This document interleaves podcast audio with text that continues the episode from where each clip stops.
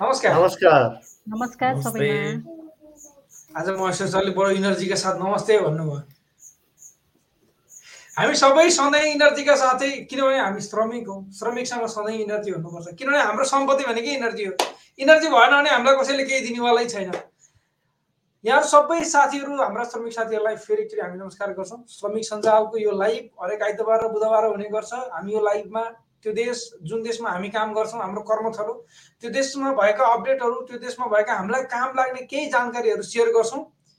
अनि तपाईँ हामीलाई साथ दिनुहुन्छ तपाईँ हामीलाई हेरेर साथ दिनुहुन्छ तपाईँ हामीलाई हामीले प्रस्तुत गरेका हामीले भनेका चिजहरू अरूलाई सेयर गरेर साथ दिनुहुन्छ कमेन्ट गरेर साथ दिनुहुन्छ लाइक गरेर साथ दिनुहुन्छ सबै गरिराख्दाखेरि कहीँ न कहीँ कुनै न कुनै एङ्गलबाट तपाईँ हामीसँग हुनुहुन्छ भन्ने हामीलाई पनि फिल हुन्छ हामीलाई पनि राम्रो लाग्छ हामी पनि खुसी हुन्छौँ र हामीलाई आशा छ तपाईँ पनि खुसी हुनुहुन्छ। अझै कार्यक्रमलाई राम्रो बनाउन के गर्न सकिन्छ कार्यक्रममा के चिजहरू राख्यो के चिज परिवर्तन गर्यो भनेदेखि चाहिँ तपाईँलाई राम्रो लाग्छ भन्ने चिजहरू पनि तपाईँहरूले लेखिदिनु भयो भनेदेखि हामीलाई अझै पनि राम्रो लाग्छ। केही साथीहरू हुनुहुन्छ भर्खर हेर्न सुरु गर्दै हुनुहुन्छ। सुरुमा चाहिँ हामीले चारवटा फोटो देखाउँछौँ अनि त्यसपछि चुच्च म बोल्छु हाम्रो फर्मेट यस्तो हुन्छ। अनि त्यसपछि हाम्रो सबै साथीहरू आउँछौँ र हामी यहाँनिर कुराकानीहरू गर्छौँ। स्पेसल्ली हामी अपडेटहरू दिन्छौँ। हामी जुन देशमा काम गरिरहेका छौँ त्यहाँका जुन हामीलाई सकभर हामीलाई काम लाग्छ केही नीतिहरू नियमहरू चेन्ज भएका हुनसक्छन् अथवा कुनै नीति नियमै चेन्ज भएकै हुनुपर्छ भन्ने छैन केही अपडेटहरू जसले हामीलाई फाइदा पुऱ्याउन सक्छ। र चारवटा फोटो हेर्दाखेरि त साथीहरूले मेरो कोट देखेर पनि चिन्नुहुन्छ होला फोटो हेर्ने बित्तिकै।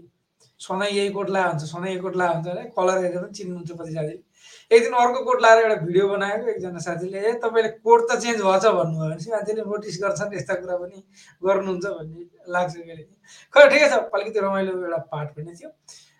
ओके अब चाहिँ हामी अपडेटतिर लाग्छौँ। सुरुमा हामी युएतिर लागौँ त्यसपछि कुवेत अनि कतार अनि हामीसँग साउदी अरब र ओमनका पनि केही जानकारीहरू यहाँ छन्। तपाईँले हाम्रो लाइभलाई लाइक गर्नु होला कमेन्ट गर्नु होला र सेयर गर्नु होला हाम्रो लागि मात्रै नभएर तपाईँको लागि र तपाईँका ती साथीहरूको लागि जसलाई तपाईँ हेल्प गर्न चाहनुहुन्छ।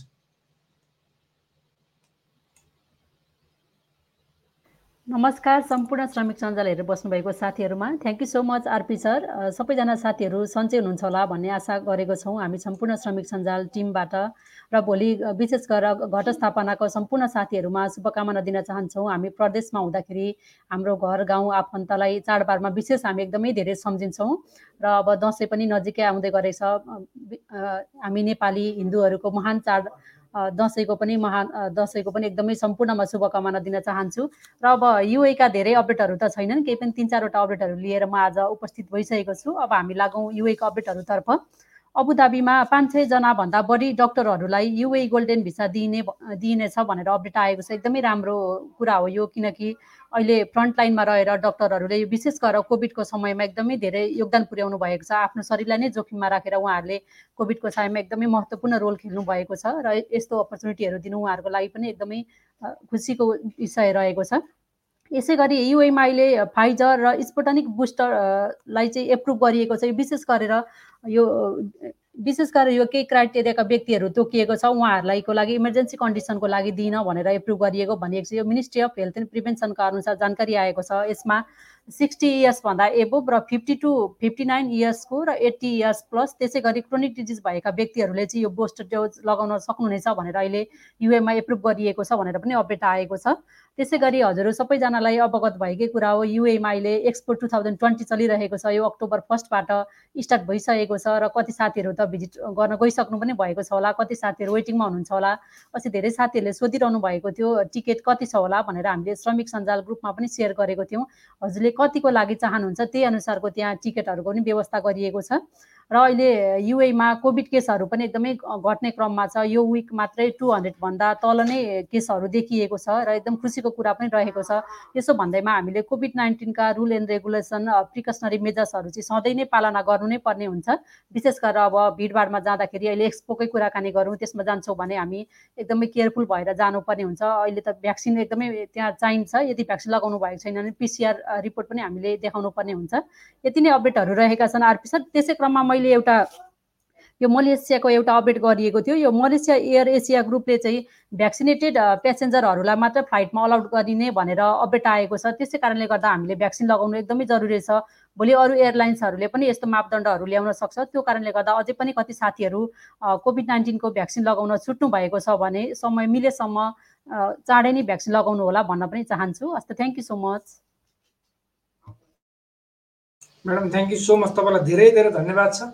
एक्सपो ट्वेन्टी ट्वेन्टीमा जानुभयो कि जानु भएन गएकै छैन सर यस्तो रहेछ। यो हामीले एउटा पास लिएको थियो एउटा टिकट थियो। त्यसको चाहिँ एउटा लिइसकेपछि वान मन्थको रहेछ। अब जस्तै आजबाट स्टार्ट गरियो भने अक्टोबर लास्टसम्ममा सक्नुपर्ने। त्यो हुँदाखेरि चाहिँ अब नेक्स्ट मन्थतिर जानु पर्ला भन्ने प्लानिङ गरिरहेको छौँ। पुरै फुर्सद पुरै फुर्सद हुँदै जाने। हजुर समय मिलाएर हुन्छ हस् अपडेट अपडेट दिनु होला तपाईँलाई के कस्तो हुन्छ अनुभव। ठिकै छ खैर जो जो साथीहरूले जहाँबाट हेर्नुहुन्छ हेर्दै हुनुहुन्छ लेख्नु होला कहाँबाट हेर्दै हुनुहुन्छ तपाईँसँग कमेन्ट छन् केही क्वेसन छन् तपाईँलाई मनमा लागेका कुराहरू केही छन् तपाईँलाई सेयर गर्न मन लागेका कुराहरू छन् दुःखका कुरा छन् सुखका कुरा छन् खुसीका कुरा छन् इन्फर्मेसन छन् तपाईँलाई अरूलाई के भन्न मन लागेको छ राम्रा कुराहरू। जे छन् तपाईँले कमेन्टमा लेख्नु होला हामी ती कमेन्टहरू पढ्नेछौँ। सुरुका कमेन्टहरू पहिलो पहिला नै हामी पढ्दै जानेछौँ। अब हामी कुवेततिर लाग्छौँ। हरि सरले कुवेतका इन्फर्मेसन दिनुहुनेछ थ्याङ्क यू आरपी सर त्यसै गरी हाम्रो श्रमिकका साथीहरू सुषमा म्याम त्यसै गरी हाम्रो महेश्वर सर होइन? त्यसै गरी हाम्रा सम्पूर्ण श्रमिक साथीहरूलाई अघि नै सुषमा म्यामले सबैलाई भनिसक्नुभयो। भोलि यो विजया दशमी दुई हजार अठहत्तरको पहिलो औपचारिक दिन अथवा घटस्थापना परेको छ। सबै श्रमिक साथीहरूलाई जो जो जहाँ जहाँ हुनुहुन्छ तपाईँहरूलाई शुभकामना। सकेसम्म सबैजना सँगै भएर मनाउनु पर्ने हो। कतिको बाध्यतावश कतिजना टाढा हुनुहुन्छ कतिजना फर्किने प्लानमा हुनुहुन्छ होइन? तपाईँहरू सबैलाई शुभकामना सबैजना सुरक्षित रहनु होला र कुवेतको केही अपडेटहरू सुनाउँदै गर्दा जस्तो भोलि घटस्थापना भएको कारणले नेपाली दूतावास कुवेत चाहिँ भोलि बन्द हुने भनेर एउटा नोटिस आएको छ। त्यसैले तपाईँहरू दूतावासमा केही काम गर्न जाँदै हुनुहुन्छ भने भोलिको लागि जान परेन। किनभने अब भोलि थर्सडे भयो फ्राइडे र स्याटरडे त बन्दै भयो होइन? अब सन्डे मात्रै खुल्छ। त्यही कुरा मैले यहाँ जानकारी गराएँ त्यस्तै कुवेत सरकारको गृह मन्त्रालयले कुवेतमा मानव र श्रम बेचबिखनमा पर्नेहरूको लागि एउटा हटलाइन नम्बर चाहिँ खुला गरेको छ। यो हटलाइन नम्बर रहेछ रहेको छ one triple eight six eight eight. यो सार्वजनिक गरिएको छ आज। यो मिनिस्ट्री अफ इन्टेरियरले के भनेको छ भने यताको विशेष गरी ह्युमन ट्राफिकिङ र लेबर ट्राफिकिङमा पर्नेहरूको लागि यो हटलाइन नम्बर हो। यसमा चाहिँ तपाईँहरूको कोही पनि समस्या परेको आफू ठगे जस्तो लाग्छ आफू जोखिममा छु जस्तो लाग्छ भने तपाईँले कम्प्लेन गर्न सक्नुहुन्छ। र तपाईँलाई ट्वेन्टी फोर सेभेन भनेको जति बेला पनि तपाईँलाई रेस्पोन्स गरिन्छ र तपाईँलाई आवश्यक सहयोग गरिन्छ र तपाईँको सबै कुराहरू कन्फिडेन्टल राखिन्छ भनिएको छ अथवा सुरक्षित राखिन्छ गोपनीयता कुराहरू हुन्छ भनिएको छ। र सबभन्दा पहिलो कुरो सेफ्टी फर्स्ट हो त्यसबाट तपाईँहरू यदि अनसेफ फिल हुन्छ भने यसमा तपाईँले सम्पर्क गर्न सक्नुहुन्छ। त्यस्तै अर्को चाहिँ कुवेतमा यो मोटरसाइकल राइडिङ गरेर डेलिभरी गर्ने सिस्टम एकदमै धेरै थियो। अहिले कुवेत सरकारले त्यसलाई बन्द गर्न भनेर एउटा एनाउन्स गरिसकेको थियो। यो पाँच तारिकबाट खास बन्द हुनुपर्ने हिजोबाट। तर नोभेम्बरको सात तारिकसम्मको लागि त्यसलाई पोस्टपोन गरिएको छ अथवा नोभेम्बर सात तारिकपछि चाहिँ मोटरसाइकल राइडरहरूले होम डेलिभरीमा जान पाइँदैन भनेर आएको छ यो जानकारी। विशेष गरी धेरैजना नेपाली साथीहरू होम ड्राइभर होम डेलिभरी ड्राइभरहरू हुनुहुन्छ। जस्तो गरी डेलिभरो तालाबाद होइन? लगायत विभिन्न प्लेटफर्महरू छ त्यहाँ मार्फत उहाँहरू जानुभएको थियो। अब उहाँहरूलाई कसरी एडजस्टमेन्ट गर्छ होला त्यो चाहिँ अलिकति अब फरक प्रसङ्ग होला अथवा फरक कुराहरू होला। तर सकेसम्म बाइक राइडर साथीहरू धेरैजना साथीहरू अझै जाने क्रममा हुनुहुन्छ अथवा गइसक्नु भएको छ उहाँहरूले चाहिँ अब कम्पनीले कसै कसै गरी एडजस्ट गर्नुपर्ने हुन्छ। अब या त अब मोटर सिकाएर मोटर कार दिनु पऱ्यो होइन? ड्राइभिङ सिकाएर। कि त अरू अरू त्यस्तै स्किलमा तपाईँहरूलाई गर्नुपर्ने हुन्छ होला। त्यस्तै गरी कुवेतको जिलिप सोएक भन्ने सबैलाई थाहा छ। एकदमै सबभन्दा दूषित सहर अथवा अलिकति फोहोर भएको सहर भनिन्थ्यो। र अहिले कुवेत सरकारले त्यो जिलिप सोहेकमा चाहिँ जो बाहिरको सरसफाइ लगायत त्यहाँ चाहिँ एकदम फोहोरहरू बढेकोमा चिन्ता व्यक्त गरेको छ। र त्यहाँ चाहिँ विशेष गरी यो सडक पेटीमा तरकारीहरू राखिने माछाहरू राखिने होइन? विशेष गरी धेरै बाहिरी आप्रवासीहरूको बस्ती हुन्थ्यो। त्यहाँ चाहिँ अहिले सबै कुराहरूलाई क्लिन गर्ने भनेर एकदम लागेको छ त्यहाँको कोभिड सरकारले। र विशेष गरी अहिले यो सडक पेटीमा राखेका पसलहरूलाई सबैतिरबाट हटाइएको छ त्यो एलाउड छैन। त्यसै गरी अवैधानिक रूपमा अथवा कुवेतले वर्जित गरेका काम गरेकाहरूलाई समातिँदैछ ती कुराहरू भइरहेको छ। र जिलिपलाई चाहिँ स्पेसल क्लिनअप भनेर अहिले नयाँ प्रोजेक्ट ल्याइएको छ अथवा त्यसलाई गरी थालिएको छ। त्यस्तै गरी यो अवैधानिक अथवा कुवेतले कुवेतको कानुनले वर्जित गरेका अथवा कुवेत कानुनले नगर भनेको कुराहरू गर्नेहरूलाई भिसा नियम नमान्नेहरूलाई लगायत ट्राफिक भाइलेसन गर्नेहरूलाई चाहिँ कुवेत सरकारले डिपोर्ट गर्ने भनेर अस्तिदेखि क्लिनअप कुराहरू भइरहेको थियो। अहिले पनि त्यसलाई रिफ्रेस गरेको छ फेरि। फेरि नयाँ नयाँ क्याम्पेनहरू गरेको छ। धेरै ठाउँमा मान्छेहरूलाई पक्राउ गरिएको छ। तपाईँहरू पनि अनडकुमेन्टेड हुनुहुन्छ भने त्यही किसिमको आफ्नो सुरक्षा प्रविधिहरू गर्नु पऱ्यो र घर फर्किने तपाईँहरू तयारीमा हुनुहुन्छ अथवा त्यस्तो छ भने तपाईँले त्यही अनुसारको कानुनी सहायता लिएर घर नै फर्किन सक्नुहुन्छ। नत्र कुन दिन तपाईँहरूलाई समस्या थाहै हुँदैन है। त्यही कुरा छ। अर्को चाहिँ कुवेतको स्वास्थ्य मन्त्रालयले त्यहाँ एउटा यो फेक कल भन्छ अथवा के भनिन्छ यसलाई होइन यो फोन गर्ने इन्फर्मेसनहरू माग्ने तेरो पिसिआर रिपोर्ट दे अथवा तेरो चाहिँ क्युआर कोड तेरो फोन तँलाई जुन कोभिड भ्याक्सिन लगाएको छ त्यसको सर्टिफिकेट दे भनेर चाहिँ यस्तो फ्रड कलहरू आएको। भन्ने विषयमा एकदमै चिन्ता चासो व्यक्त गरेको छ र कुवेतको स्वास्थ्य मन्त्रालयले के भनेको छ भने कुवेतको कुनै पनि नागरिक अथवा आप्रवासीहरूलाई फोन गरेर तेरो फोन तेरो चाहिँ के अरे कोभिडको कोभिड लगाएको कार्ड अथवा तेरो चाहिँ के अरे कुनै पनि इन्फर्मेसनहरू दे अथवा सिभिल आइडी माग भनेर कहिले पनि भन्दैन। त्यसरी कसैलाई पनि नदिनुहोस् भनेर एउटा जानकारी गराएको छ आज। किनकि त्यहाँ धेरै फ्रड कलहरू आएको भन्ने गुनासो आएको छ। जस्तो फोन गरेर म चाहिँ मिनिस्ट्री अफ हेल्थबाट हो तेरो चाहिँ यो खोप कार्डको सबै जानकारी पठाइदियो भनेपछि त्यहाँ क्युआर कोड सिस्टम हुन्छ उहाँको सबै जानकारीहरू जाने भयो।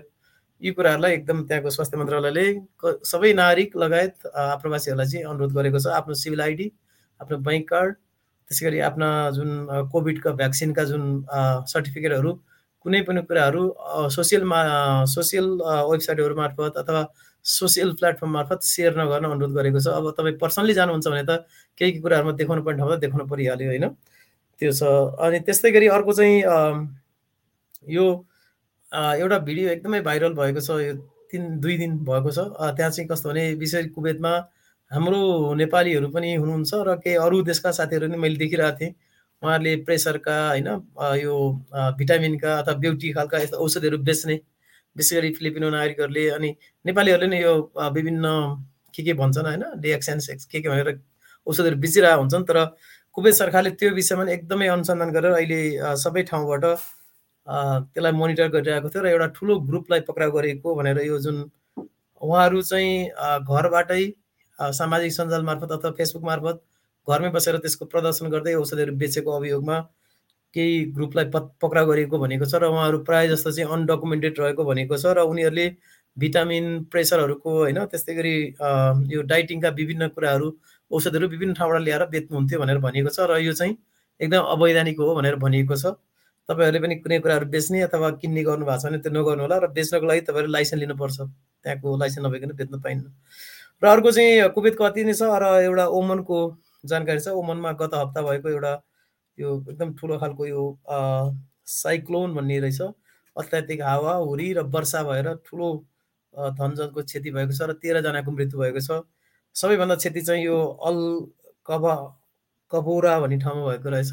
र त्यहाँ चाहिँ रेस्क्यु गरेको भिडियोहरू जताततै सकिन्छ। ठुलो होइन बाढीहरू आएको छ। तपाईँहरू पनि समुद्रको छेउमा हुनुहुन्छ भने एकदम ख्याल गर्नु होला विशेष गरी अहिले मिडल इस्टभरि नै अलिकति हाई अलर्टमा राखिएको छ किनभने यो मौसम अत्याधिक रूपमा स्लाइटली चेन्ज हुने अथवा यो ग्लोबल वार्मिङको कारणले हुनसक्छ अथवा के कारणले यो कुरामा चाहिँ के अरे अध्ययन भइरहेको भन्ने कुराहरू भएको छ। विशेष गरी धेरैजना साथीहरूले यो सामुद्रिक आँधी भनिन्छ यसलाई चाहिँ होइन तर इङ्ग्लिसमा चाहिँ साइक्लोन भनिन्छ। यो आँधीबाट चाहिँ ओमनमा धेरै ठुलो क्षति भएको छ। त्यसै गरी अरू देशहरूमा विशेष मिडल इस्टमा पनि हुन सक्ने भनेर धेरैजनालाई सचेत गराएको छ। विशेष समुद्रको छेउमा भएका साथीहरूले चाहिँ यसलाई याद गर्नुपर्छ र छेउछाउमा काम गरिन्छ भने पनि अलिकति याद गर्नुपर्ने हुन्छ। र साउदी अरबमा एउटा जानकारी छ। साउदी अरबमा चाहिँ चौध अगस्तसम्म राहदानी बनाउनु दिनुभएका राहदानी नवीकरणको लागि दिनुभएका साथीहरूको राहदानी बनेर आएको सूचना आएको छ। यो चाहिँ नेपाली दूतावास साउदी अरबको फेसबुक पेजमा नै हेर्न सक्नुहुन्छ र त्यो तयारी भएर आएको राहदानी चाहिँ यो अक्टोबर आठ तारिक शुक्रबार पर्सि चाहिँ यो दमामबाट वितरण हुँदैछ। त्यो चाहिँ बिहान दस बजीदेखि चार बजीसम्म हुन्छ। तपाईँहरूको पनि राहदानी पहिल्यै पेस गर्नुभएको थियो भने तपाईँहरूको लिन सक्नुहुन्छ त्यहाँबाट भनेर भनिएको छ। ठाउँ लोकेसन सबै कुराहरू त्यो दूतावासको वेबसाइटमा दिएको छ। त्यस्तै अर्को चाहिँ नवीकरण शिविर भनेको चाहिँ तपाईँहरूको डकुमेन्ट लिने चाहिँ नोभेम्बरको सात ता नोभेम्बरको बाह्र तारिक हुँदैछ। त्यो पनि बिहान सात बजी बेलुका पाँच बजीसम्म। त्यही त्यसैले तपाईँहरूलाई यो दमामकोमा भएको साथीहरूलाई अलिकति सुविधाको लागि नेपाली दूतावास साउदी अरबले यो दमाम लगायत केही ठाउँहरूमा बेला बेलामा यो घुम्ती शिविर जस्तो गर्छ। त्यसको फाइदा लिनु होला करिब करिब यति नै छ सर। विशेष गरी दसैँ दसैँ आइरहँदाखेरि प्रवासमा रहेका साथीहरूलाई अलिकति कटक्क होइन मन दुख्छ आफ्नो परिवारहरूसँगै हुँदैन होइन दसैँहरू एकदम सेलिब्रेसन गरिरहन्छन् तैपनि उहाँहरूले सबभन्दा पहिला चाहिँ हामी नै शुभकामना दिन्छौँ श्रमिक साथीहरूलाई के भन्न चाहन्छु भने हामीले सकेसम्म आफ्नो आफन्तसँग नजिक रहेर सकेसम्म फिजिकल्ली नभए पनि एउटा भावनात्मक रूपमा चाहिँ नजिक रहेर चाडबाड मान्नुपर्ने हुन्छ र कोभिडको समय छ आफ्नो पनि ख्याल गर्नु होला भन्न चाहेँ thank you RP sir RP sir thank you sir धेरै धेरै धन्यवाद। तपाईँले दसैँको शुभकामना दिँदाखेरि बढी इमोसनल भयो जस्तो छ म बोल्नै बिर्सेछु अब दसैँ भनेको यस्तै हो। हरेक वर्ष आउँछ जान्छ अर्का अर्का वर्षमा चाहिँ सँगै फ्यामिलीसँग बस्न पाइयोस् भनेर एउटा के काम गर्नु पऱ्यो भने लगनशील भएर मेहनती भएर काम गर्नु पऱ्यो छिटो छिटो पैसा कमाउनु पऱ्यो अलिकति पैसा बोकेर नेपालमा जानु पऱ्यो नेपालमा गएर एउटा बिजनेस गर्नु पऱ्यो फ्यामिलीसँग बस्नु पऱ्यो अथवा अरू केही काम गर्नु पऱ्यो फ्यामिलीसँग बस्नु पऱ्यो त्यसपछि यसरी इमोसनल हुनु पनि पर्दैन रुनु पनि पर्दैन एकदम सिधा सिम्पल अब चाहिँ हामी लागौँ. यति बेला कतारतिर कतारका अपडेट छन् हामीसँग महेश्वर सर छैन उहाँले कतारका के अपडेट दिनुहुन्छ आज अलि कतारको एउटा खतरा अपडेट छ क्वारेन्टिन रुलसँग सम्बन्धित पहिला त धेरै हुन्थे आजले अरू देशमा क्वारेन्टिन हुनु छोड्यो अब बिस्तारै भ्याक्सिन लाउँदै गर्दा सजिलोहरू हुँदै गर्दाखेरि हामी पनि यात्रा गर्ने क्रममा हुन्छौँ। धेरै साथीहरूले यात्रा गर्न पनि थाल्नुभयो। आज अलिक कम साथीहरूले हेरिरहनु भएको छ। सायद कि त दसैँ लाग्यो होला साथीहरूलाई पनि कि त घरतिर जानुभयो होला। कि त अस्ति फेसबुक आठ घन्टा जति डा सर्भर डाउन भएको थियो अस्ति बेलुका राति। त्यसपछि फेसबुकले चाहिँ यो लाइभलाई चाहिँ अगाडि नबढाऊँ भनेर हामीलाई पछाडि पछाडि धकेलिरहेको छ कि जस्तो लाग्यो। खै त्यही पनि तपाईँहरूको सपोर्ट हामीलाई एकदम मस्ट छ एकदम इम्पोर्टेन्ट छ एकदम महत्त्वपूर्ण छ। त्यसैले तपाईँलाई चाहिँ हाम्रो लाइभलाई सेयर गर्नुभयो भने धेरै साथीहरूसँग पुग्छ। कमेन्ट र लाइक गर्नुभयो भने इङ्गेजमेन्ट बढ्छ अनि फेसबुकले थाहा पाउँछ। हुन्छ असलले कता लाग्नु? धन्यवाद आरपी सर। नमस्ते पुनः एकपटक। यो श्रमिक सञ्जालको फेसबुक लाइभको यो दुई सय पैँतिसौँ श्रृङ्खलामा यहाँहरूलाई स्वागत छ। आज मिति दस अक्टोबर सरी छ अक्टोबर दुई हजार एक्काइस। सर्वप्रथम विजया दशमी तथा शुभ दीपावली नेपाल सम्मत छठको चाहिँ अग्रिम शुभकामना यहाँहरू हाम्रा सम्पूर्ण श्रमिक साथीहरूलाई। तपाईँहरू यति बेला हामीलाई गुगलको podcast Apple podcast Facebook live र युट्युबमा एकैसाथ सुन्दै र हेर्न सक्नुहुनेछ र धेरै साथीहरूले हेर्दै हुनुहुन्छ। कतारको बारेमा भन्नुपर्दा कतारमा कोरोना भाइरसको चाहिँ यो बिरामीहरूको सङ्ख्या चाहिँ घट्दै गएको छ भनेर खबरहरू आइरहेका छन्। यो गत चौबिस घन्टामा चाहिँ देशभर थप उनान्सयजनामा चाहिँ कोरोना भाइरस सङ्क्रमण र एक सय चारजनालाई निको भएको भनेर भनिएको छ। आज यो भाइरसमध्ये चाहिँ उन्चासजना स्थानीय र पचासजना चाहिँ अरू देशबाट आएका यात्रुहरू रहेको भनेर भनिएको छ। यो पछिल्लो चौबिस घन्टाको रिपोर्ट अनुसार चाहिँ तेइस हजार सात सय तिनजनालाई चाहिँ कोरोना भाइरस परीक्षण गरिएको थियो। हो तपाईँहरू कसैलाई चाहिँ कोरोना भाइरस सम्बन्धी लक्षण देखा परेमा तुरुन्त एक छ शून्य शून्य शून्यमा चाहिँ सम्पर्क गरेर चाहिँ तपाईँले त्यहाँ स्वास्थ्य सेवा चाहिँ उपलब्ध लिन पाउनुहुनेछ। अनि अर्को एउटा सजिलो भएको छ तपाईँ कतार जाँदै हुनुहुन्छ नयाँ हुनुहुन्छ भने तपाईँले चाहिँ अब नेपालबाटै चाहिँ एतराज एपलाई चाहिँ एक्टिभेट गर्न सक्नुहुनेछ। नेपालकै नम्बरबाट पनि त्यो पनि आजैबाट चाहिँ सुरु भएको छ यो एक्टिभेट गर्नको लागि भनेर तपाईँले मोबाइलमा एतराज एप हालेपछि हालेपछि। एउटा क्वेसन आएको थियो सर अस्ति मैले तपाईँलाई कुरा सोधेको पनि थिएँ। एकजना साथीलाई भेटेको थिएँ मैले कतार जाँदै गरेकोलाई उहाँले भन्नुभएको थियो नेपालको नम्बरमा त्यो पिनकोडै आएन वान टाइम पिनकोड यो आजबाट सुरु भएको हो सर। ओके आजबाट सुरु भएको हो। अनि अब यो त्यहाँको चाहिँ स्वास्थ्य मन्त्रालयका अनुसार चाहिँ अब हवाई तथा स्थलमार्ग भएर भनेर चाहिँ स्थलमार्ग एउटै छ साउदीको बोर्डरबाट। अबु समरा पोर्टबाट चाहिँ कतार प्रवेश गर्नेले चाहिँ त्यहीँ चाहिँ त्यही पोर्टमा चाहिँ मोबाइल र सिम कार्ड खरिद गर्न पनि सकिनेछ र एक्टिभेट गर्न सक्नेछ। यो यतराज एप चाहिँ कुटनीतिज्ञ प्र प्रशासनिक कार्ड होल्डर र औपचारिक भ्रमणमा आउने भिआइपीलाई भने यो एपको चाहिँ आवश्यकता नपर्ने रहेछ। त्यसै गरी अब अहिले यो कोरोना भाइरसको यो अहिले कोरोना भाइरसलाई नियन्त्रण गर्नको लागि भनेर ल्याएको मापदण्ड अनुसार चाहिँ क्वारेन्टाइनको मापदण्ड चाहिँ केही अपडेटेड गरेको छ कतार सरकारले केही खुकुलो बनाएको छ। अब यसरी भनौँ होला। अब चाहिँ तपाईँले अब कतार प्रवेश गर्दा चाहिने त त्यही बहत्तर घन्टाभित्रको चाहिँ यो पिसिआर नेगेटिभको रिपोर्ट कतारमा पहिलोपटक प्रवेश गर्ने नेपालीले चाहिँ यो एतराज डट कम डट क्युएको वेबसाइटमा गई पिसिआर परीक्षण प्रमाणपत्र खोप लगाएको प्रमाणपत्र र अन्य सन्दर्भिक कागजात अपलोड गरी प्रि रजिस्ट्रेसन गर्नुपर्ने र कतारका नागरिक र बासिन्दाहरूका लागि चाहिँ यो प्रि रजिस्ट्रेसन अनिवार्य नभए पनि जनस्वास्थ्य मन्त्रालयले सहज यात्राका लागि चाहिँ सबै यात्रुहरूलाई चाहिँ यो प्रि रजिस्ट्रेसन गर्नको लागि भनेर चाहिँ गरेको छ। सबै यात्रुहरूले चाहिँ आफ्नो मोबाइलमा एतराज एप्लिकेसन डाउनलोड एक्टिभेट गर्नुपर्ने र यसका लागि चाहिँ अन्तर्राष्ट्रिय सिम भनेपछि अब जता यो नेपालको पनि प्रयोग हुने भइहाल्यो अघि नै बताइहालेँ मैले। कतार प्रवेश गर्नु अघि सबै यात्रुहरूले चाहिँ कतारको जनस्वास्थ्य मन्त्रालयको वेबसाइटमा गएर एतराज डट कम डट क्युए अथवा सम्बन्धित एयरलाइन्सको अनलाइन बुकिङ फारममा उपलब्ध हुने प्रतिबद्धता पत्रमा चाहिँ आफ्नो विवरण भरेर चाहिँ हस्ताक्षर गरी यात्राको अवधिमा साथमा बोक्नुपर्ने भनेर भनिएको छ। त्यसमा चाहिँ अब यो खोपहरू लगायतका कुराहरू पनि होलान्। अनि यो कतारमा चाहिँ यो फाइजर बायोटेक अनि मोडर्ना अनि अस्ट्राजेनेका जेन्सन एन्ड जेन्सनको चाहिँ खोपहरू सिनोफार्म सिनोभ्याक र स्पातोनिक भीको चाहिँ खोपहरूको चाहिँ दुवै डोज लगाएका व्यक्तिहरूले चाहिँ यो दुवै खोपको मात्रा पुरा भएको चाहिँ चौध दिन पुरा भएपछि मात्रै यात्रा प्रायोजनको लागि चाहिँ मान्य हुने भनेर भनिएको छ।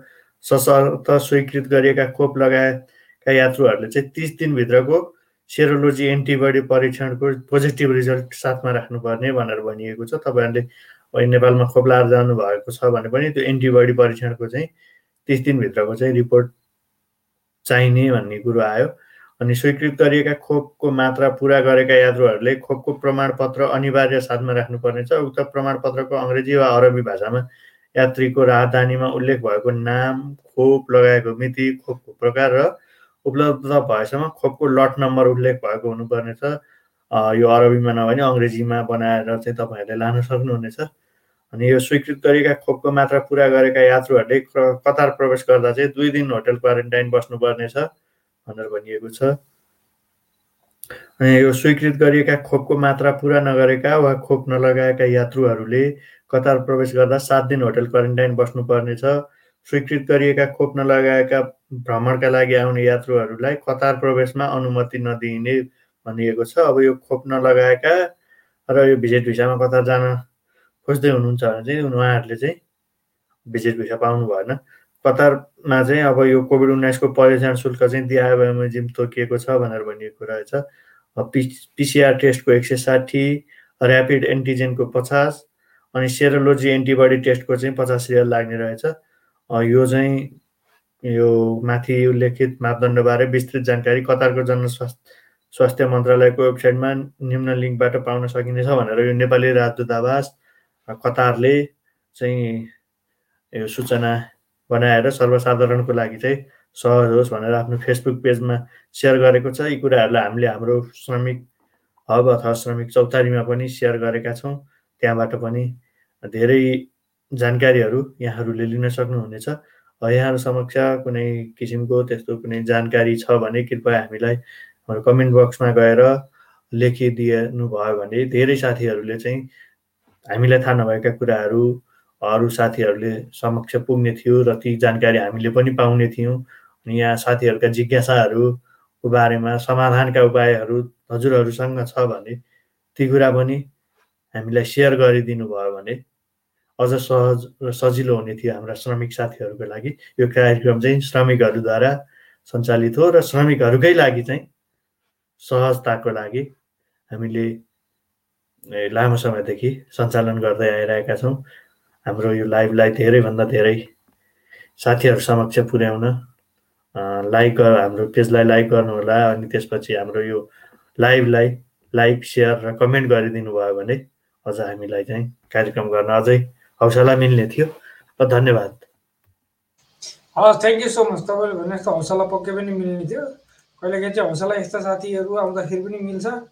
उहाँ एकदम नारायण खड्का छेत्री हुनुहुन्छ भर्खर चाहिँ ए होइन यो होइन अर्को एकजना साथी हुनुहुन्छ सर यहाँ दिल्ली प्रसाद सापकोटा उहाँको क्वेसन अहिले लिउँला हामी।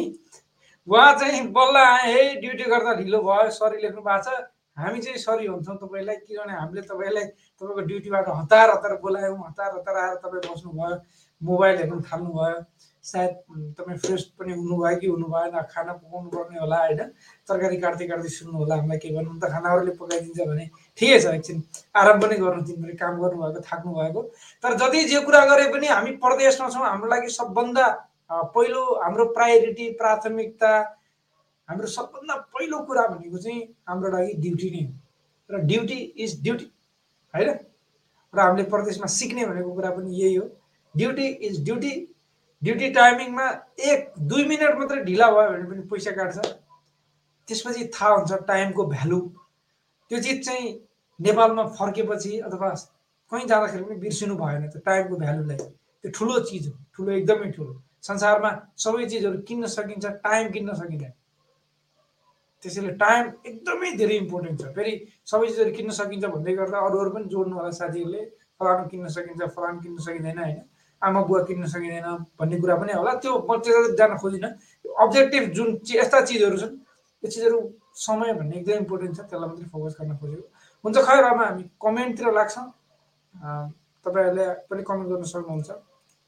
हस् हामी सरस्वती खुर्र हेर्छौँ। खुर्र! दौडिन्छौँ एकछिन। ओके धेरै दुवै दिशाबाट हेर्दै हुनुहुन्छ। नमस्कार गर्ने साथीहरू हुनुहुन्छ। है। ओहो मेरो बिग फ्यान हुनुहुन्छ त सरोज बानी थ्याङ्क यू सो मच नमस्ते म हजुरहरूको फ्यान हजुरहरूले माया गर्नुहुन्छ र हौसला बढ्छ हामीलाई जाफ्राबाट ल एकजना साथी कतारबाट हेर्दै हुनुहुन्छ है क्वेसन छैन जस्तो छ है भोजपुरबाट हेर्दै हुनुहुन्छ क्वेसन नभए नि यो कमेन्ट नै पढौँ म्याडम ल लामो रहेछ हाम्रो मधुसूदन सुदन सुवेदी हाम्रो पुरानो नियमित हामीलाई माया गर्ने एकजना श्रमिक साथी मधुसूदन सुवेदीजीले छ नमस्कार सम्पूर्णमा युएले पाँच सय डक्टरहरूलाई सहहर्षित स्वर्ण भिसा वितरण गर्ने समाचारमा मेरो आशय हाम्रो देश नेपालले आफ्नै भूमिमा विश्वस्तरीय डाक्टर र चिकित्सक तयार पारेको देख्न अझै कति वर्ष पर्खेर बस्नुपर्ने होला मेरो व्यक्तिगत जिज्ञासा भन्नुभएको छ खोइ त्यसको एन्सर त हामीले दिन सकिएला जस्तै लागेन आशा गरौँ है? हजुरहरूसँग छ भने केही। एलोन एलोनजीले लेख्नु भएको छ नमस्ते हजुरहरू सम्पूर्णमा दुबईको सोनापुरबाट भन्नुभएको छ। हजुरको नाम त हामीले कहीँ कहिल्यै तपाईँले हामीलाई भेट्नुभयो जिन्दगीमा कुनै बेला हाम्रो भेट गयो फिजिकल्ली अनुहार तपाईँको देखिन्न हामीलाई थाहा छैन होइन? इभन प्रोफाइल गरेर हेर्ने चलन त छैन प्रायः चाहिँ हामीले हेर्दै हेर्दै कसैको भने। अनि तपाईँले हामीलाई चिन्नुभयो होइन? फलानु मान्छे हो भन्नुभयो भने म चाहिँ एलोन हो भन्नुभयो भने तपाईँलाई चिन्छु। रियल नाम अरू के होला। मलाई तपाईँको त्यो नाम ले चाहिँ त्यति परिचित बनाइसक्यो। थ्याङ्क यू सो मच तपाईँको इङ्गेजमेन्टको लागि तपाईँको सहभागिताको लागि सधैँभरि धेरै धेरै धन्यवाद छ अशोक कुमार घरतीजीले लेख्नु भएको छ नमस्कार सबै श्रमिक साथीहरूलाई म कुवेतबाट हेर्दैछु भन्नुभएको छ। Thank you so much Vidur उपरकोटीजीले लेख्नु भएको छ। नमस्कार सर म्याम। सबैमा म पनि हेर्दैछु। अहिले नेपाल गोर्खाबाट हेर्दैछु भन्नुभएको छ। सायद धेरै साथीहरू दसैँको लागि नेपाल जानुभएको जस्तो छ। धेरै साथीहरू नेपालबाट हेरिरहनु भएको छ हामीलाई। माया मार्नु भएको छैन जियोस्। नेपाल पुगेर पनि। नेपालमा फेरि माहौल अलि मिल्दैन कि। नेपाल गइसकेपछि आफन्तलाई भेट्नु पर्यो यता जानु पर्यो उता जानु पर्यो। गाउँमा नेट टिप्दैन। अब अहिले फोर जी छ है अफरमा। नेपाल टेलिकम अन्त विज्ञापन गरेर यस्तो होला। विज्ञापन गर्न खोजे आएन। जस्ट इन्फर्मेसनको लागि कति साथीहरूलाई फाइदा हुनसक्छ किनभने नेपाल सबै एरियामा वाइफाई हुँदैन त्यो जानकारी दिनुभएको एकदमै राम्रो हो बिस जिबी डाटा दुई सय पन्चानब्बे रुपियाँमा लिन पाइन्छ दस दिनको लागि यो नयाँ दसैँको लागि अफर ल्याएर छ नेपाल टेलिकमले हो त्यो युज गरेर हेर्दा पनि हुन्छ लाइभ। फेरि हाम्रै लाइभ हेर्नुको लागि दुई सय पन्चानब्बे रुपियाँ खर्च गर्नुहोस् भन्न खोजेको चाहिँ होइन। अरू पनि तपाईँलाई फाइदा पुग्छ भनेदेखि चाहिँ त्यो युज गर्न सकिन्छ। ढकाल विवेकजीले लेख्नु भएको छ युएबाट नेपाल जाँदा के के डकुमेन्ट्स पुरा गर्नु पर्ला आरपी सर प्लिज भन्नुभएको छ। अँ, नेपाल के अरे हजुर हस् महेश्वर सर भन्न खोज्दै हुनुहुन्छ। नेपालबाट युएबाट नेपाल आउँदा त सिसिएमसीको फर्म भर्नुहोस् आउनुहोस्। अ, दुवै डोज खोप अथवा सकेसम्म बुस्टर डोजै खोप लगाएर नेपाल आउनुहोस्। त्यति भयो भने तपाईँलाई सजिलो पनि हुन्छ। हजुर उहाँले ढकाल विवेकजीले के के चाहिन्छ भन्नुभएको छ? महेश्वर सरले भनिसक्नु भयो। हजुरले भ्याक्सिनेसन लगाउनु भएको कार्ड प्रिन्ट गरेरै भर्सा बोक्नु होला। त्यसपछि सिसिएमसीको फर्म भर्नुहोस् र नेगेटिभ पिसिआर टेस्टको होइन भर्सा चाहिँ पेपरै बोक्नु भयो भने बेटर हुनेछ। ढकाल विवेक हुनुहुँदो रहेछ उहाँ।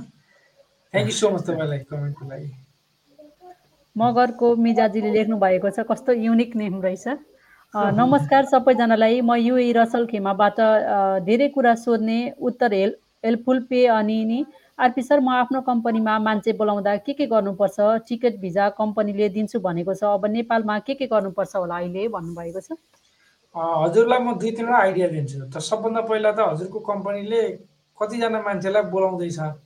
एकजना मान्छे मात्रै चाहिया हो भनेदेखि चाहिँ तपाईँको आफ्नो एकदम नजिकको जस्तै दाजुभाइ अथवा दिदीबहिनीमध्ये कोही हुनुहुन्छ भने चाहिँ तपाईँले इजी अथवा तपाईँको कम्पनीमा काम गर्ने कुनै नेपालीको दाजुभाइ दिदीबहिनी कोही हुनुहुन्छ भनेदेखि चाहिँ उहाँलाई चाहिँ सजिलै ल्याउन सक्नुहुन्छ। किन नाता प्रमाणित गरेर एम्बेसीमा गएर छाप लाएर नेपाल पठाएर इन्डिभिजुअल रिक्रुटमेन्ट भन्छ व्यक्तिगत श्रम स्वीकृति लिएर तपाईँले युए ल्याउन सक्नुहुन्छ। नम्बर वान अब होइन तपाईँको कम्पनीलाई दस पन्ध्रजना अथवा पाँचजनाभन्दा बढी जस्तो मान्छे चाहिएको हो भने उनीहरू दुईजनाको लागि पनि त्यो प्रोसेस गर्न सकिन्छ। यो संस्थागत प्रोसेस भन्छ। त्यो गर्नको लागि चाहिँ म तपाईँलाई sir step by step process भन्छु। तपाईँले त्यो गर्न सक्नुहुन्छ। सबभन्दा पहिला त तपाईँले नेपालमा एउटा रिक्रुटमेन्ट एजेन्सीसँग कुराकानी गर्नु पऱ्यो नम्बर वान नम्बर टू तपाईँ एम्बेसीमा जानु पर्यो रिक्रुटमेन्ट एजेन्सीले तपाईँलाई पाँचवटा पेपर दिन्छ। के के एग्रिमेन्ट गरेका पेपरहरू अथवा सबै दिन्छ। यो हामीसँग काम गर्ने भन्ने लगायत। पाँचवटा पेपर दिन्छ। त्यो पेपर सहित तपाईँ एम्बेसीमा जानुहुन्छ। एम्बेसीमा एटेस्टेसन गर्नुपर्ने हुन्छ। एटेस्टेसन गरेको रेट अलग अलग छ।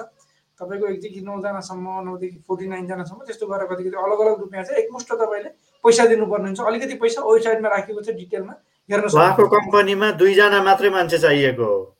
ए सरी मैले यहाँ उहाँले दुईजना मात्रै भन्नुभएको छ? हजुर। यहाँ छैन तर उहाँलाई दुईजना चाहियो हो। भन्दै जानु। दुईजनाको लागि के गर्ने त्यही बताइदिनुहोस्। ए दुईजनाको लागि पनि यो प्रोसेस गर्न सकिन्छ। जुन अहिले मैले भने नि एम्बेसीमा तपाईँको आफन्त हुनुहुन्छ भने दाजुभाइ कोही हुनुहुन्छ भने तपाईँको अथवा तपाईँको कम्पनीमा काम गर्ने कसैको किनभने त्यो अथवा अथवा। युए भित्र काम गर्ने जोसुकैको होस् दाजुभाइ दिदीबहिनी। दाजुभाइ दिदीबहिनी श्रीमान श्रीमती छोराछोरी होइन मध्ये कोही हुनुहुन्छ भने चाहिँ सकियो। युए भित्रै पनि है जोसुकै भए पनि। अब होइन युएमा कोही छैन त्यो आफ्नो रगतको नाताको भनेदेखि चाहिँ त्यो अहिले मैले भन्दा प्रोसेस अरूलाई पनि काम लाग्न सक्छ। म सर भनिदिइहाल्छु है त्यो भएर अरू पनि कोही साथीहरू हुनुहुन्छ हाम्रो नेपाली साथीहरू यतामा काम गर्नुहुन्छ बिजनेस गर्नुहुन्छ उहाँलाई काममा लाग्न सक्छ। त्यसपछि तपाईँले एम्बेसीबाट एप्लिकेसन गरेर नेपालमा प्रि अप्रुभल लिनुहुन्छ। अनि एम्बेसी प्रि अप्रुभल लिइसकेपछि मेन पावर जुन मेन सूत्रले एउटा पत्रिकामा निकाल्छ इन्टरभ्यूको लागि सबै प्रोसेस हो। अब इन्टरभ्यू हुन्छ त्यसपछि अनि चाहिँ सक अब अब चाहिँ सजिलो भयो। हो यति प्रोसेस चाहिँ नेपालको लागि स्पेसल प्रोसेस हो। हस् बुझ्नुभयो होला क्लियर भयो होला?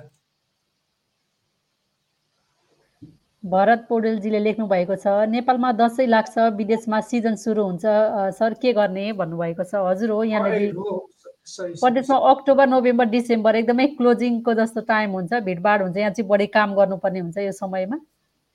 अनि यो नर्मल्ली अझ युए जस्तो देशमा जाडो मौसम मिठो मौसम होइन? मधुसूदन सुवेदीजीले लेख्नु भएको छ नवरात्रि तथा नौ दुर्गा पूजाको मुरी मुरी शुभकामना शुभकामना सम्पूर्ण श्रमिक सञ्जालका सहभागी र कार्यकारीहरूमा भन्नुभएको छ। थ्याङ्क यू सो मच हजुरलाई पनि शुभकामना छ। कट्टेल भेषराजजीले लेख्नु भएको छ। नमस्ते सबैमा हाल म दुबईबाट हेर्दैछु। मेरो एउटा क्वेसन छ हजुरहरू सामु म नेपाल छुट्टी गएर फेरि दुबई आएको आज दस दिन भयो र कम्पनीले काम दिएको छैन। काम दे भन्दा अरू एक महिना बस भन्छ र म अरू कम्पनीमा जान्छु कि क्यान्सल कि रिलिज दे भन्दा पनि मान्दैन। भिजाको अवधि सात महिना बाँकी छ। अब अब मैले के गर्दा राम्रो होला? प्लिज जानकारी पाउन सकिन्छ कि भन्नुभएको छ। मलाई के सजेस्ट गर्न सकिएला? उहाँलाई के आइडिया दिन? तपाईँको सिचुएसन कस्तो छ? अहिलेको कम्पनीमा स्यालेरी कति छ? तपाईँले काम गरेको कति वर्ष भयो? ग्रेजुटीको कुरा के छ? अब कम्पनीसँग पङ्गा लिने कि नलिने? यो पङ्गा भन्ने शब्द अलि कस्तो लाग्ला? तर कस्तो हुन्छ नि तपाईँ एउटा यमोएचारी भन्ने छ युएमा eight zero zero six zero त्यसको नम्बर हो त्यसमा फोन गरेर पनि तपाईँले एकचोटि कन्सल्ट लिन सक्नुहुन्छ। त्यो संस्थाको नाम चाहिँ त्यो गभर्मेन्टसँगै रिलेटेड संस्था हो। त्यसले चाहिँ इम्प्लोयर र इम्प्लोइको बिचमा कामदार र कर्मचारीको बिचमा समन्वय गराउने काम गर्छ अथवा केही झगडा सगडा भयो भने मिलाउने अथवा अप्ठ्यारो पर्दाखेरि यो यो काम हो त्यसको। तपाईँले उहाँहरूलाई पनि एकचोटि कन्ट्याक्ट गर्न सक्नुहुन्छ कुराकानी गर्न सक्नुहुन्छ हेर्नुहोस् कोसिस गर्नुहोस्। होइन भने चाहिँ तपाईँलाई राम्रो छ अहिलेको कम्पनी पनि तपाईँलाई चित्त पनि बुझिरहेको छ ठिकै पनि छ होइन? भनेदेखि चाहिँ अब सात महिना छ तपाईँ यो एक महिनाको ड्युरेसनमा केही गर्न सकिन्छ कि? अलिकति केही सर्ट टर्मको लागि त्यो पनि हेर्न सक्नुहुन्छ। अब तपाईँको कन्डिसन कस्तो हुन्छ तपाईँको के छ कसो छ त्यो हामीलाई सबै त थाहा हुँदैन। त्यो भएर ठ्याक्क तपाईँलाई यही गर्नुहोस् भनेर भन्न सकिने अवस्था चाहिँ डेफिनेटली रहेन। हरि सर महेश सरसँग केही आइडियाहरू छ भने सेयर गर्नु होला उहाँ र उहाँ जस्तो अरू साथीहरूलाई पनि पर्न सक्छ। त्यही हो सर हजुरले भन्नुभएको कुरा ठ्याक्कै त्यही नै हो।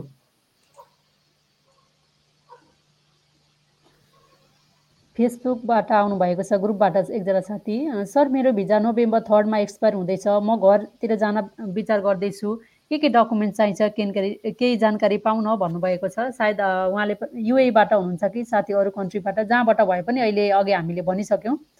पिसिआर नेगेटिभ भएको रिपोर्ट चाहियो भ्याक्सिनेसनको कार्ड चाहियो अनि सिसिएमसीको फर्म भर्नु पऱ्यो त्यति नै हो हाम्रो इम्पोर्टेन्ट डकुमेन्ट भनेको। पासपोर्ट हामीलाई चाहि नै हाल्छ साथमा। चाहिन्छ र जुन भिजा एक्सपायर हुँदैछ भन्नुभयो यसको मतलब उहाँ फेरि रिटर्न हुने हिसाब पक्का होइन होला होइन? एक्सपायर हुँदैछ भन्नु मतलब क्यान्सल जानु भन्नु खोज्नुभयो होला होइन? फेरि नोभेम्बर त आइ नै हाल्यो नि अब। नारायण खड्का छेत्रीजीले लेख्नु भएको छ नमस्कार सर म्याडम दुबईको न्यू डिमान्ड नेपालमा आएको हो र केही जानकारी पाउन भन्नुभएको छ? हजुर हो। मैले पनि देखि त रहेको थिएँ अब हामी मेन पावरको मान्छे चाहिँ परिएन। अनि हामीसँग मेन पावरसँग त्यस्तो कन्ट्याक्ट पनि नहुने भएको कारणले गर्दा ठ्याक्क आयो भन्ने कुरो त भएन। तर तपाईँले अर्को एउटा छ यो वैदेशिक रोजगारी विभागको एउटा वेबसाइट छ डियर त्यहाँनिर रोजगारी खोजी भन्ने छ। त्यहाँ गएर पनि सर्च गर्न सकिन्छ है।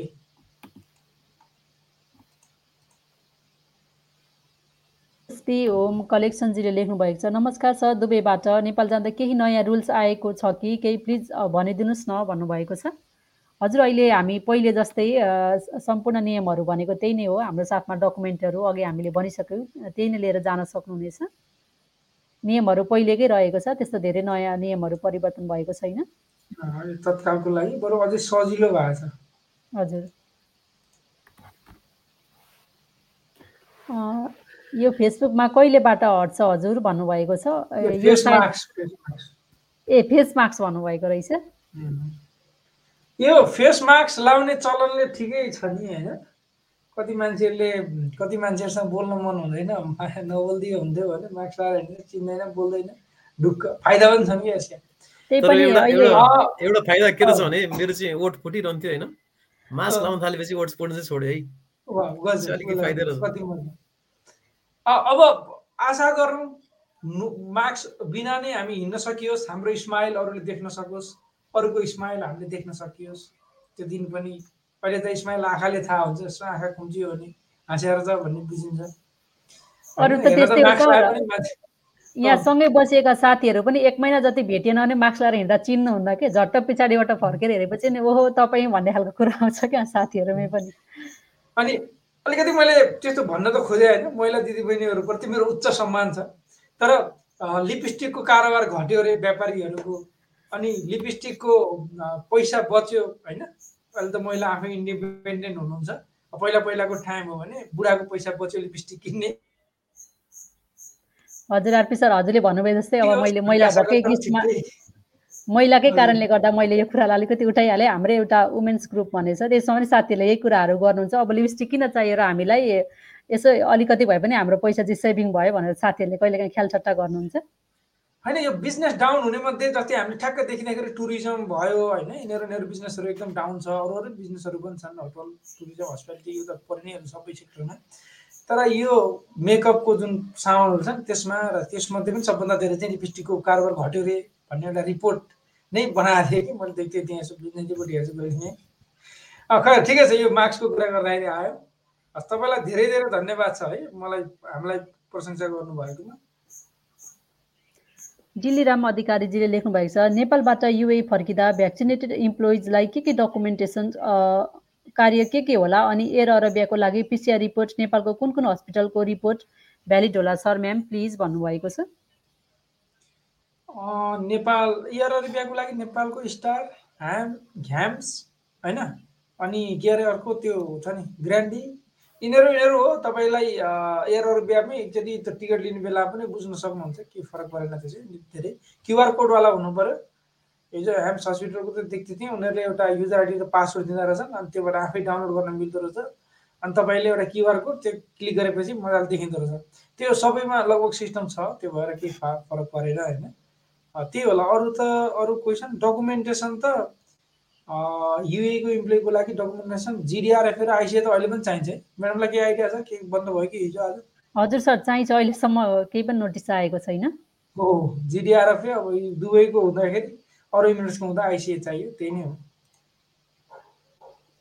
धनबहादुर विष्टजीले लेख्नु भएको छ नमस्ते दिदी अनि सर तपाईँलाई बधाई छ। अग्रिम शुभकामना छ। यो कार्यक्रम अझै प्रगति र नयाँ कुराहरू हामीहरू फेरि हेर्न र सिक्न पाएका फेरिमा भन्नुभएको छ फेरिमा हेर्न र सिक्न पाएका छौँ र केही कुरा पनि सिक्न पाइ वास्तविक सेवा भनेको यही नै हो। म साउदीबाट हेर्दैछु भन्नुभएको छ। थ्याङ्क यू सो मच हजुरलाई एकदमै मिठो कमेन्ट गर्नुभएकोमा। र हामीलाई हाम्रोलाई तपाईँले सेवा गर्नुभयो त्यसको लागि पनि धन्यवाद। यो कस्तो भन्दाखेरि हामी बोल्दा बोल्दै बिच बिचमा काम लाग्ने कुरा पनि बोल्छौँ कि धेरै जसो? त्यो भएर पुरै कार्यक्रम हेर्दा पनि हुन्छ अपडेट सकिएपछि पनि। थ्याङ्क यू सो मच हजुरलाई हामी एकदम आभारी छौँ। सी विदुर श्रेष्ठजीले लेख्नु भएको छ सर नमस्कार मेरो साथी सन्दीप चौधरी आज बिहान सबैबाट अबुधाबी सिटी जाँदै के लेख्नुभयो? साबिया लेख्नुभएको होला।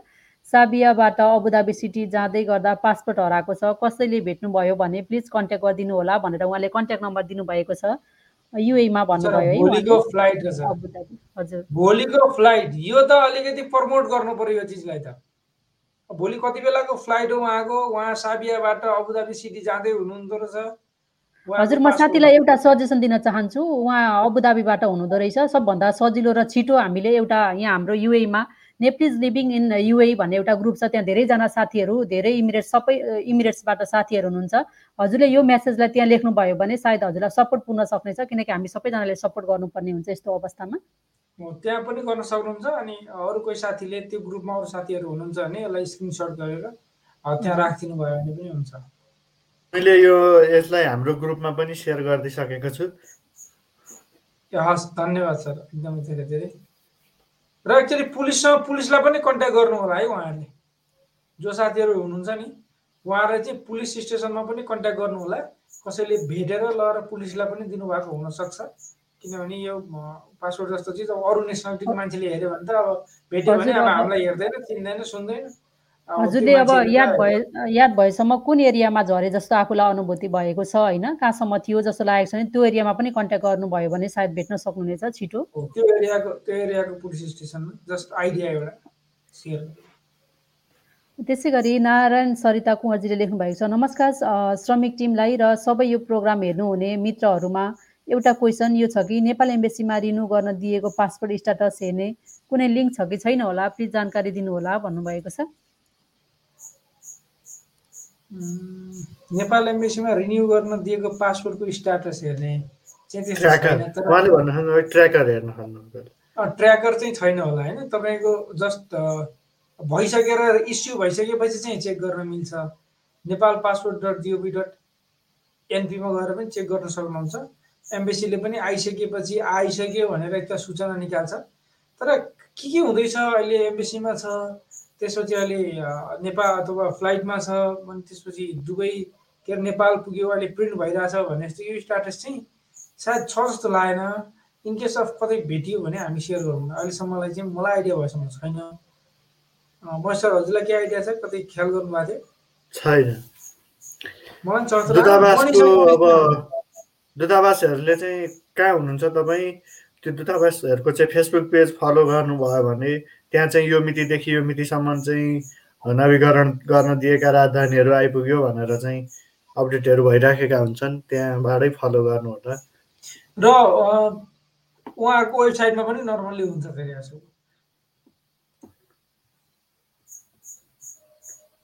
यसो शिव रिमालजीले लेख्नु भएको छ प्रोग्राम सुन्न लेट भयो भएपछि सरी म्याडम सर भन्नुभएको छ लेट पो भएछ भन्नुभएको छ। ठिकै छ लेट भए पनि हेर्नु होला फेरि पछि लाइभ सकिएपछि पनि सुन्न सकिन्छ। यसलाई सकि जहाँदेखि सुन्न सुरु गरियो। तपाईँलाई लाग्छ कि हामीले तपाईँलाई काम लाग्ने चिज योभन्दा पहिला पनि भन्यो होला जस्तो लाग्छ भने तपाईँ युट्युबबाट हेर्दै हुनुहुन्छ। अझै धेरै धन्यवाद तपाईँलाई चाहिँ। हम त सबैलाई धन्यवाद। त्यसो त युट्युबबाट धेरैले हेर्नुहुन्न यसो दुई चारजना यसो भ्युज हेर्छु। एक सय पचास साठीजना देख्छ भने खुसी लाग्छ हो। एक सय पचास साठीजना भ्युज भएछ भनेर। अ, शोभा बुट शोभा बुटवलजीले लेख्नु भएको छ हजुर सबैमा नमस्कार। म बुटवलबाट मलाई एउटा कुरा सोध्न मन लाग्यो। सर म्याडम भिजा सिद्धियो भने पुनः दुबईमा रिन्यू गर्न मिल्छ कि मिल्दैन? कि रिन्यू गर्न नेपाल नै आउनुपर्छ? यो कुरा बुझाइदिनुहोस् न भन्नुभएको छ। ए सायद उहाँले नेपालबाट भिजा लगाएर युए आउनुभएको थियो। अब उहाँको भिजा सकिने बेला भयो र उहाँलाई के चाहिँ डाउट लाग्यो भने भिजा रिन्यू गर्न फेरि नेपाल जानुपर्छ कि जस्तो लाग्यो होला। त्यस्तो हुँदैन। बरु नेपालमा आउनु भयो भने चाहिँ भिजा रिन्यू हुँदैन। तपाईँ त्यहीँ बस्नुपर्छ भिजा रिन्यू गर्नको लागि। बुटवलबाट भन्नुभयो होइन। नेपालमा चाहिँ बुटवल अहिले चाहिँ दुबईमा हुनुहुन्छ होला सायद। त्यसरी बुझियो। त्यही नै हो। जुन कन्ट्रीमा छौँ हामी त्यहीँबाट चाहिँ त्यहीँ भए भिजा रिन्यू गर्नुपर्ने हुन्छ। अन्त तपाईँले युएबाटै भिजा रिन्यू गर्नुपर्ने हुन्छ अ, यदि साथीहरू साउदीमा पार्ट टाइम काम गर्नुहुन्छ भने सतर्क रहनु होला भन्नुभएको छ यहाँ साथीले। साउदीमा रहनुहुने साथीहरूका लागि। दिल्ली प्रसाद सापकोटाजीले लेख्नु भएको छ। कमेन्ट हो। यो हामीलाई चाहिँ गर्नुभएको उहाँले होइन? हामी तिनजनाको एउटा हामी तिनजना सँगै थियौँ एक दिन। यसरी लाइभमा हामी दुई वर्ष भयो सँगै भेटेका थिएनौँ। हामीले दुई वर्ष भयो लाइभ सुरु गरेको।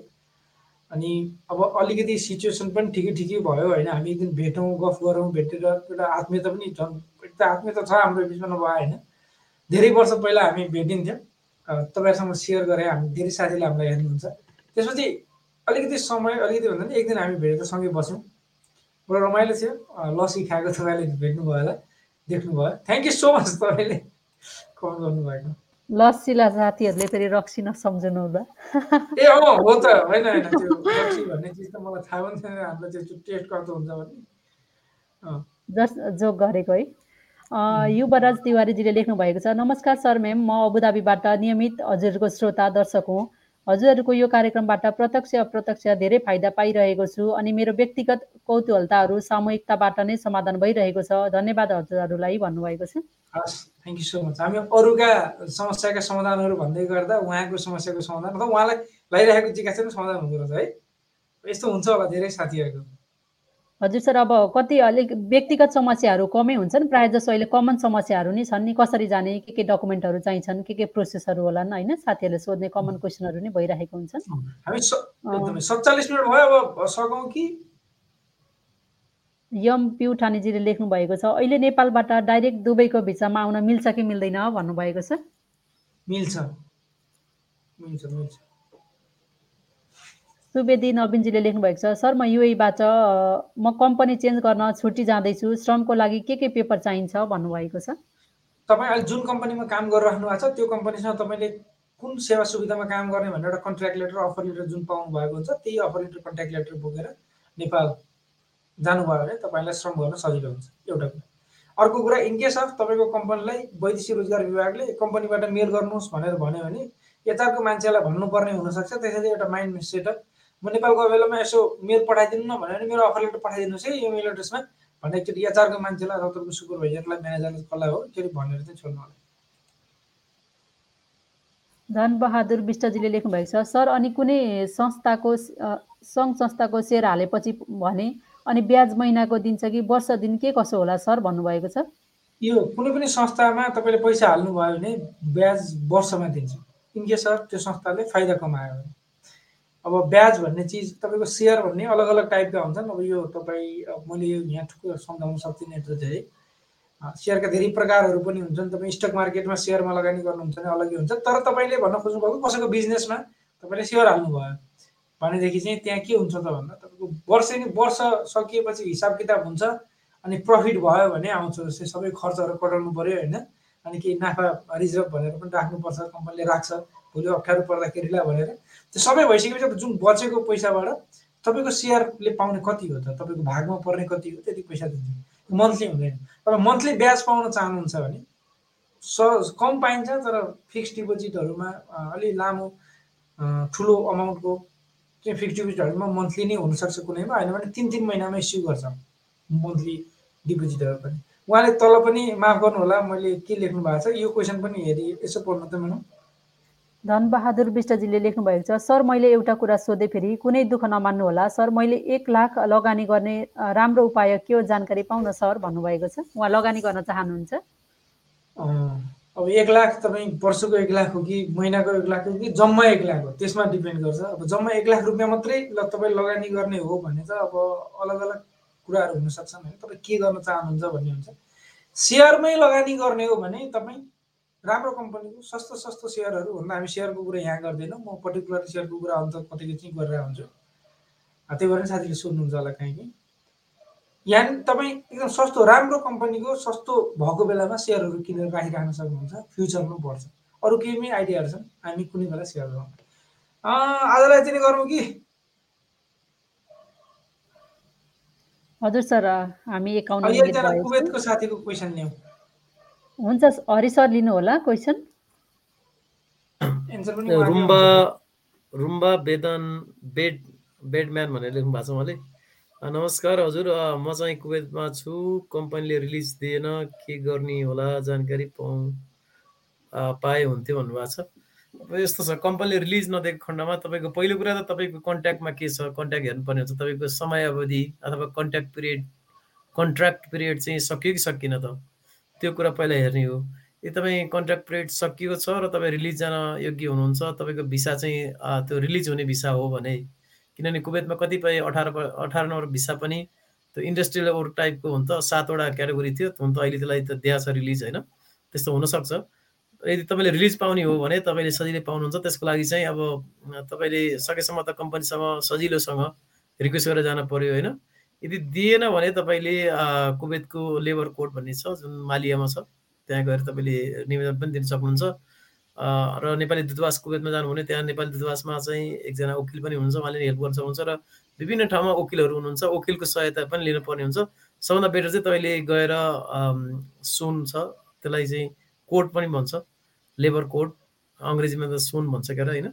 सुनमा जानुभयो भने तपाईँले एउटा निवेदन हाल्नुपर्ने हुन्छ। त तपाईँले निवेदन हालेपछि यो तरिकाले दिएन भने तर काम चाहिँ खोजेर रेडी गरिराख्नु होला। काम चाहिँ स्टप नगर्नु होला। काम स्टप गऱ्यो भने फेरि तपाईँलाई मुद्दा हालिदिन सक्छ भाग्यो भनेर। कम्पनी नभने काम पनि गरिराख्ने।